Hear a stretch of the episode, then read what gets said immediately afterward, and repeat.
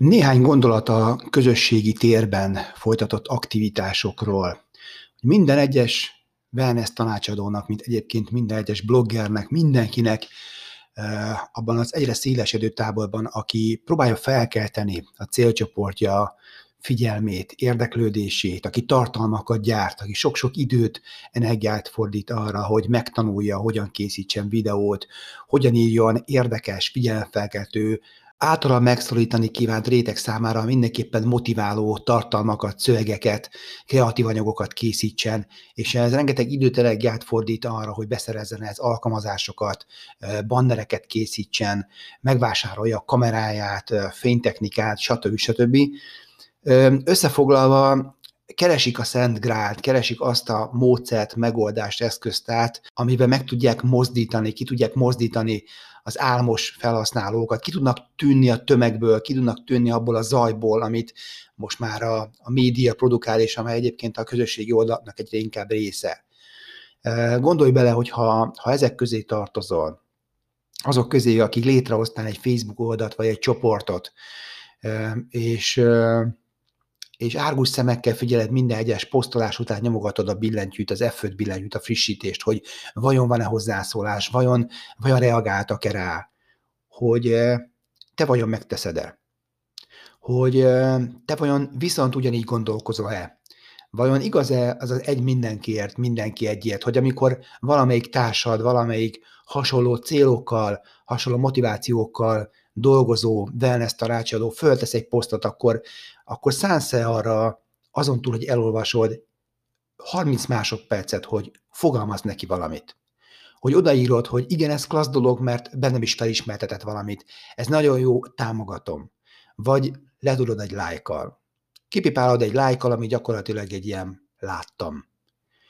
Hogyha ha nem érzed át, ha nem gyakorlod ezt a fajta empátiát, hogy mennyire jó dolog az, amikor valaki dolgozik azon, hogy, hogy felkészüljen neked egy előadással, felkészüljen egy, egy látványos prezentációval, hogy, hogy órákat töltsön csak azzal, hogy beállítson hangot, képet, nem beszélve arról, hogy évtizedeket tölt a, a szakmája megtanulásával, gyakorlásával, elsajátításával, és profilá válik, és eljön azért, hogy, hogy megoszta velünk a tudását, hogy akkor vajon taps helyett, amire nincs lehetőség, hiszen nem vagyunk jelen egy időben, egy térben, megteszed-e azt, hogy megtiszteled őt és a munkáját, az energiáját, az idejét, a szaktudását, hogy elhozta nekünk, elhozta neked azzal, hogy, hogy veszel egy percet fáradtságként arra, hogy odaírod, hogy számodra mit nyújtott, milyen felismerés hozott, milyen tanulsággal szolgált, mennyiben segített,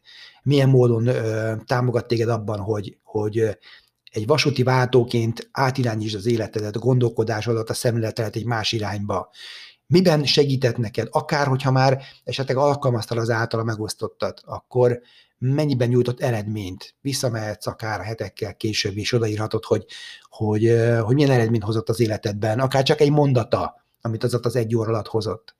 És ugyanígy természetesen nem csak azokra gondolok, akik nagyon sok munkát és energiát fordítanak arra, hogy, hogy egy jó prezentációt összerakjanak, egy előadás hozzanak el nektek, hanem egyszerűen csak ezek a posztok, hogy figyeljétek egymás tartalmait, tiszteljétek meg, szálljatok időt arra, hogy, hogy odaírtok egy mondatot, kettőt, és leírjátok azokat az érzéseket, azokat a gondolatokat.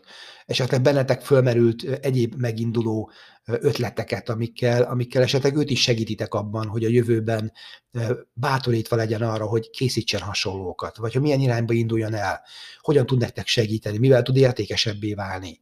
Mert ha ezek a visszajelzések nem érkeznek meg, ha ezek a rutin lájkokat lenyomjátok, ami egy másodperc, kipipáljátok, akkor szigyetek el, nagyon el tudja venni a másik kedvét abban, hogy, hogy próbáljon értéket gyártani. Hiszen ezek az apró kis sikerélmények azok, amik, amik tovább rudossák az úton majd a tanácsadókat, hogy megéri tanulni, megéri időt szánni erre. A sikerélmények mindenképpen a mért földkövé a vállalkozásnak, amik, amik visszaigazolják, hogy, hogy van hova tartani, és hogy, hogy mozgásban van ezen az úton. Úgyhogy erre kérlek titeket, hogy, hogyha valamit megfogadtok az évfordulón, szokott ugye szilveszterkor megtörténni, akkor legyen az, hogy, szántok időt egymásra. Átgondoljátok, mennyire jól esik, mennyire motiváló, mennyire, mennyire megerősítő, és mennyire segítő az, amikor mondatokat, kerek mondatokat olvas valaki, és pontosan érti tudja, hogy mit sikerült átadni abból, amit, amit elszántan, elkötelezve a minőségi tartalomgyártás mellett megtesz. Miattunk, miattatok, mindannyiunk miatt, hiszen alapvetően arról szól a munkánk, hogy értéket vigyünk a piacra, és miből tudnánk másból, hogy értékes, amit csinálunk, hogy értéket tudtunk adni, ha ezt megírjuk, ha ezt visszajelezzük. Nem szívecskével, nem öleléssel, ez személytelen, ez egy, ez egy, ez tényleg arra jó, hogy, hogy ott voltam. Lehet, hogy éppen nincs időd visszajelezni, akkor tegy oda lájkot vagy szívecskét. De ahogy lesz időd, tedd meg, és gyakorold, gyakorold a hozzászólást, gyakorold a kommentezést. Ha nem érted meg, hogy, hogy, hogy erre szükség van és hogy működik, akkor te sem fogod tudni ezt várni. Akkor te is ugyanúgy fogsz majd nézni, várni, és reménykedni arra, hogy valaki egyszer csak, és majd, majd amikor egyszer csak jön az üzenet, hogy hozzászóltak, akkor, akkor rárobban szinte a telefonodra, és valaki írt, mert, mert nem természetes. Legyen az. Szálljunk időt egymásra, és, és legyünk interaktívak. Hát ennyit szerettem volna üzenni így mai nap. Sziasztok, szép napot, eredményeset, hatékonyat!